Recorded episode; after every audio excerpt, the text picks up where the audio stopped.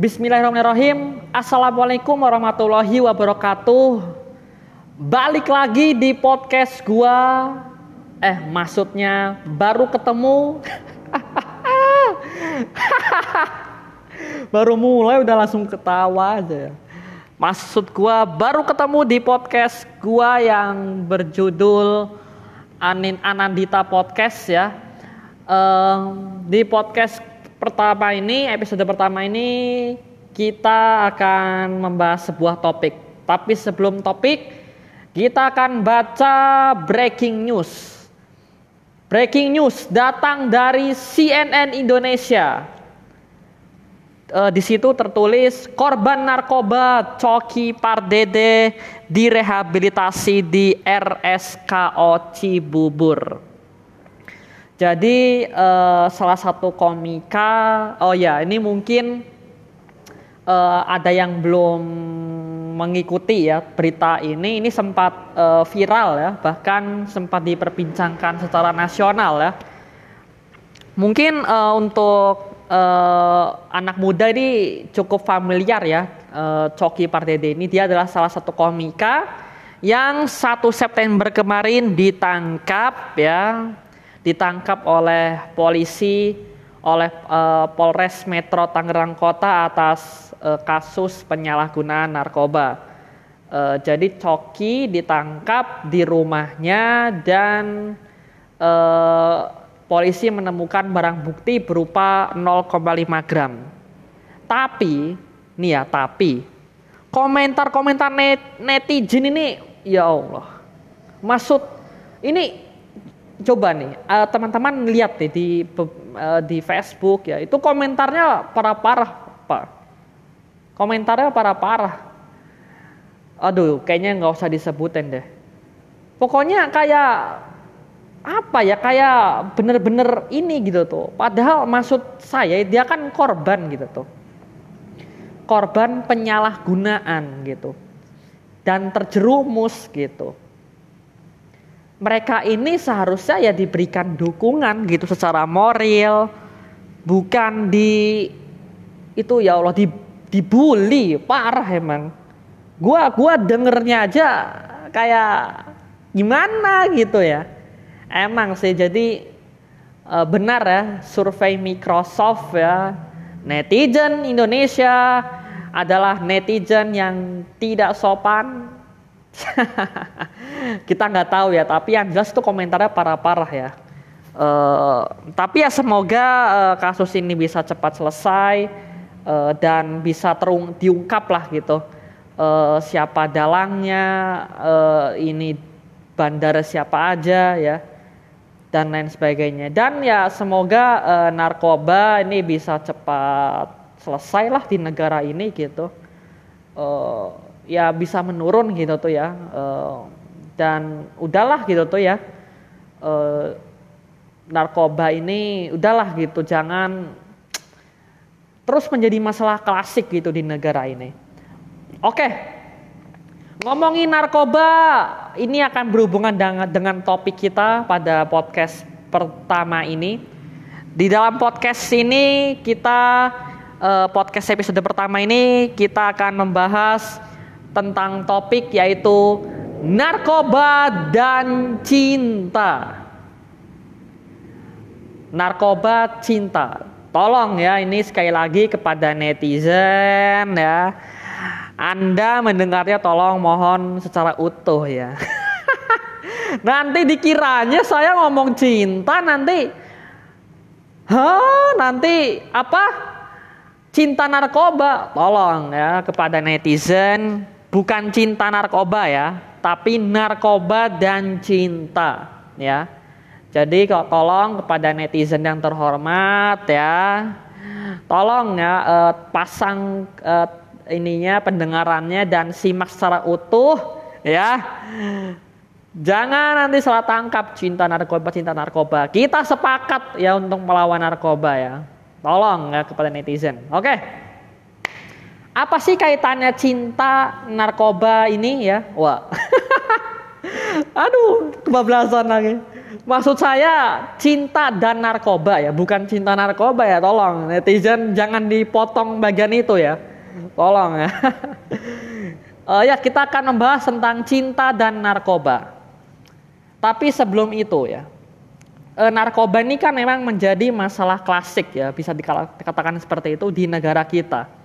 Berbagai cara kita yakin sudah dilakukan ya, entah itu oleh kepolisian, pihak yang berwenang, misalnya oleh BNN dan lain sebagainya. Tapi, tapi narkoba ini setiap tahun ini cenderung mm, bertambah mungkin ya, karena menurut beberapa laporan ini saya uh, sempat baca-baca juga itu 50 orang meninggal setiap hari. Itu nyawa loh maksud gua. Itu nyawa loh bukan ini ya. Itu nyawa. 50 orang anak muda meninggal sia-sia karena penyalahgunaan narkotika. Dan ini sudah bertahun-tahun gitu. Narkoba ini seakan apa ya, tidak pernah selesai gitu. Tidak pernah ada ya meskipun kita harus mengakui ya berbagai upaya yang telah dilakukan tapi mata rantai ini seperti tersambung lagi, tersambung lagi ya. Dan memang eh, narkoba ini banyak sekali faktor-faktornya ya. Eh, para pengguna narkoba ini misalnya kalau kita bercermin dengan kasus yang menimpa salah satu komika yang baru-baru ini, dia memakai narkoba untuk alasan percaya diri. Mohon maaf ya. Kalau alasan untuk percaya diri itu gimana ya? Karena gak narkoba juga gitu, why gitu, why aja gitu. Kenapa orang ningkatin percaya diri dengan narkoba tapi kita nggak tahu juga ya. Eh, mungkin karena masalah lain atau entah karena ada masalah di keluarga dan lain sebagainya. Tapi ini disclaimer ya, eh, Nah ini tolong emang netizen untuk menyimak secara utuh ya. Ini inti podcast kita ya. Bahwa kita sebagai anak muda tentu ya eh, harus eh, bersama-sama ya memerangi narkoba ini. Kita harus eh, meskipun memang banyak sekali ya hal-hal yang mungkin bisa menjerumuskan kita, tetapi eh, kita harus satu suara ya melawan narkoba ini yang menjadi Bukan musuh BNN, bukan musuh polisi, tapi ini musuh bersama. Narkoba ini bukan musuh polisi saja ya, bukan musuh BNN ya. musuh BNN doang, musuh masyarakat, musuh mas kita harus apa? Narkoba ini harus menjadi musuh masyarakat, musuh polisi, musuh BNN, semuanya ya. Dan kita tentu harus berkomitmen ya bahwa narkoba ini uh, tidak ada manfaatnya sama sekali kecuali sedikit gitu. Lebih banyak kalau dalam saya itu dalam bahasa agama Islam itu banyak mudorotnya gitu. Jadi narkoba itu ya mungkin ada manfaatnya tapi sedikit gitu. Karena kalau orang sudah terjebak narkoba itu parah sekali memang kalau sudah sudah kan ada istilahnya adiksi ya. Nah itu memang agak susah ya untuk bisa sober bisa apa namanya pulih gitu ya. Tapi apa pun itu ya kita doakan yang terbaik ya. Semoga negeri ini bisa segera membaik. Entah itu pandemi bisa semoga bisa cepat rampung uh, dan kita bisa kembali menjalani kehidupan normal kita ya. Ngomong-ngomong menjalani kehidupan ya, tentu untuk melawan narkoba ini sebagai anak muda kita bisa mengisi hal-hal yang positif ya. Ya salah satunya dengan membuat podcast ini ya. Kita bisa misalnya membuat podcast ini ya kan. Atau misalnya kalau saya kan konteksnya adalah membuat video ya di channel YouTube ya. Ya kita isi dengan kegiatan-kegiatan positif lah gitu. Seenggaknya gitu meskipun banyak uh, godaan lain sebagainya kita bisa teralihkan ya yaitu ya dengan menjalani hobi-hobi kita ya. Kalau saya kan memang di dunia uh, media editing ya, ya saya jalani hobi saya sebagai seorang uh, editor video, seorang sekarang yang paling baru ini di podcast dan lain sebagainya ya. Ya saya memang uh, selama ini ya setahun ini terakhir apa, apa khususnya setahun terakhir ini ya memang menggeluti dunia video terutama uh, mengupload video di YouTube gitu ya. Untuk video uh, materi apa uh, dari salah satu organisasi lah gitu. Uh, materi belajar lah gitu. Di salah satu sekolah ya di-upload di video dan itu kita lakukan gitu. Kita menjalani hobi kita ya kita secara tidak langsung teralihkan gitu. Ya alhamdulillah ya e, meskipun memang viewers hii, viewers kita mungkin gak seberapa ininya mungkin gak seberapa tetapi kan memang kita menjalani hobi saja gitu e, mengupload video di YouTube ya dan banyak hal-hal lain ya yang bisa kita isi ya untuk kegiatan positif ini di masa pandemi ya termasuk tidak lupa juga ya namanya kesehatan mental itu tetap nomor satu apa diutamakan lah gitu ya. Uh, dan juga peran keluarga. Nah ngomongin peran keluarga ini berkaitan dengan cinta. Kan ini nih yang yang, yang paling why-nya ini orang pengguna narkoba di di negara kita plus 62 plus 62 ini ya ini dicemooh. Gua gua nggak ngerti ya. Mereka ini pengguna narkoba mereka memakai narkoba. Ini kena ter, apa terjebak atau terjerumus. Tapi herannya keluarga-keluarga yang ini yang ya Allah di sampai nggak dianggap keluarga lagi gara-gara makan narkoba. Padahal mereka kan justru butuh peran keluarga. Di sinilah keluarga ini dibutuhkan di titik jatuhnya dia. Ya, mereka ini butuh dilindungi supaya apa ya supaya sembuh gitu dari lingkaran ya lingkaran setan lah istilahnya lingkaran setan yang disebut dengan narkoba. Mereka butuh pendampingan mereka butuh motivasi. Mereka butuh apa? Pendekatan emosional. Merasa bahwa dirinya ini masih berharga.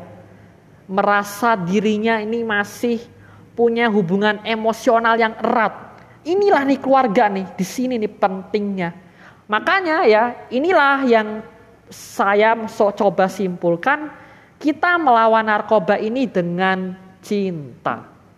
Cinta akan mengalahkan narkoba. Cinta adalah obat terkuat dari narkoba. Oke, ya ini inilah ya yang harus men, um, diubah ya mindset kita bahwa pengguna narkoba ini korban. Mereka harus didampingi, mereka harus di apa namanya mereka kita harus dekat gitu. Ya kita pengen dong keluarga kita ini bisa sembuh, ya kita berdoalah, kita berharap siapa pun yang yang mungkin masih direhabilitasi atau bahkan yang masih memakai, hey siap-siap Anda. tolong nanti Pak Polisi tolong tangkap ya. Mereka yang masih pakai narkoba tolong ya. Tolong di siap-siap ya Anda siap-siap diciduk ya. ya kepada Anda yang masih pakai narkoba ya Anda tinggal tunggu waktu mainnya aja ya diciduk sama polisi.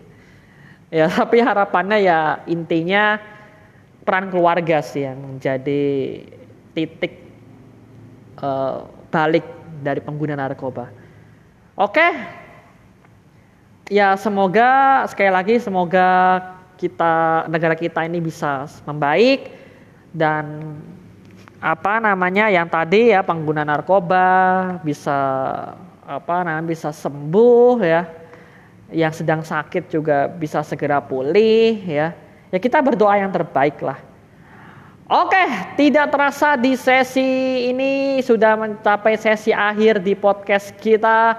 Sampai jumpa di podcast berikutnya. Terima kasih kepada para pendengar yang telah menonton kami, eh telah telah menonton, telah mendengar kami ya. Sampai jumpa dan terima kasih ya kepada para pendengar. Gua Muhammad Dhani Andrian pamit undur diri. Wassalamualaikum warahmatullahi wabarakatuh.